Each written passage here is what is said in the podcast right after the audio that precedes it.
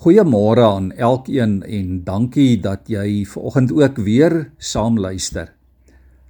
As daar nou een ding is wat ons wêreld bitter nodig het, dan is dit vrede. Vrede op elke terrein van die lewe.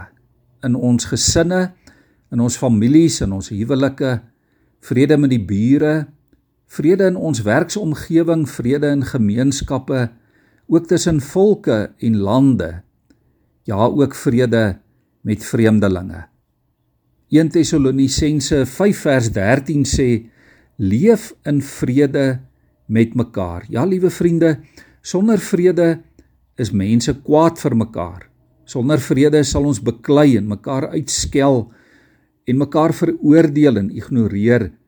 Ja, dan sal ons wrokke koester en weier om mekaar te vergewe. Ook vir Jesus was vrede uiters belangrik. Hy sê daarin Matteus 5 vers 22: "Maar ek sê vir julle, elkeen wat vir sy broer kwaad is, is al strafbaar voor die regbank. Elkeen wat sy broer uitskel vir 'n gek, is strafbaar voor die Joodse raad. Wie sy broer uitskel vir 'n idioot, is strafbaar met die helse vuur." Dit is geweldig. Vrede sorg vir harmonie. Dit sorg vir begrip en aanvaarding en respek tussen mense. Efesiërs 4 vers 26 sê moenie 'n dag kwaad afsluit nie. Maak liewer vinnig vrede. Anders gaan jy slapeloos rondrol. En die Here sê ook dat as jy jou offer bring en jy onthou dat jou broer iets teen jou het, moet jy die offer net so los en eers gaan vrede maak met jou broer. Dit is so belangrik.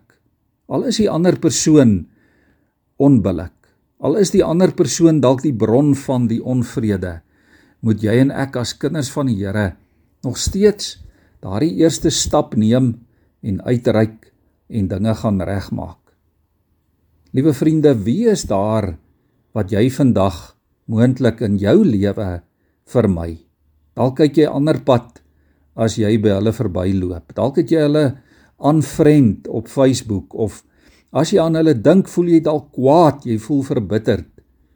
Dis juis hulle met wie jy moet gaan vrede maak. Die Bybel praat nie van vreemdelinge, mense wat daar ver is nie. Die Bybel praat van familie, van gemeentelede, van bure, van ou vriende dalk, van werkskollegas. Kolossense 3 vers 15 sê: Die vrede wat Christus gee, moet in julle lewens die deurslag gee. Letterlik op elke terrein van die lewe. En die Here gee vir ons sy eie vrede as 'n genadevoorreg wat moet uitvloei in vrede met ons naaste. Hoe langer jy uitstel, hoe moeiliker word dit om vrede te maak. Die die boodskap vertaling sê dit baie mooi daarin Kolossense 3 vers 15 waar daar staan dit moet ook vir julle baie belangrik wees om die vrede wat Christus vir julle gegee het tot elke prys te bewaar. As julle met mekaar begin vassit, maak juis dan die keuse vir die vrede van Christus. Om die vrede te bewaar is belangrik want God verwag van julle om soos een liggaam saam te werk.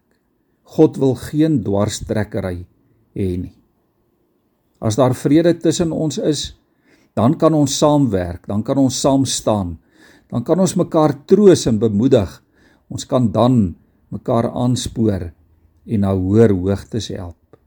Mag die Here ons daarvoor toerus. Kom ons bid saam. Here, ons bely en erken vanmôre dat daar dikwels soveel onvrede in hierdie wêreld heers en Here dikwels ook in ons eie lewens.